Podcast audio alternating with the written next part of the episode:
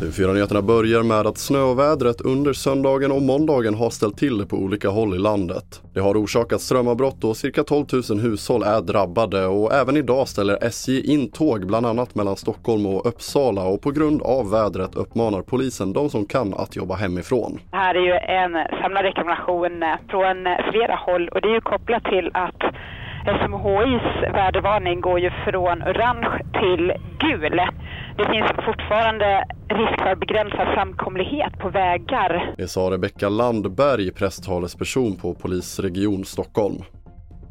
Vidare till Malta där Maltas hälsominister har lagt fram ett lagförslag som skulle lätta något på landets hårda abortlagar.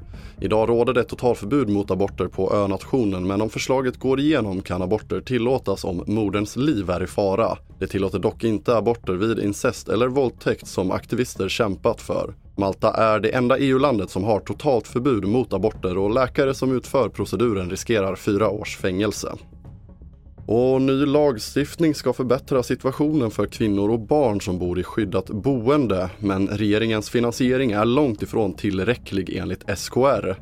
Enligt SKRs beräkningar kostar reformen minst 2,4 miljarder att genomföra och i budgetpropositionen avsätts 145 miljoner kronor 2023 och 321 miljoner per år 2024 och 2025. Fler nyheter hittar du på tv4.se. Jag heter André Metenen Persson.